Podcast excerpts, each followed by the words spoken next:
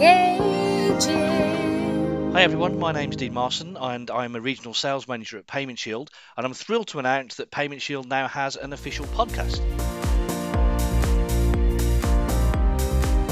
Over the series, we'll be discussing how to spice up your general insurance conversations and make client discussions about their insurance needs interesting and engaging.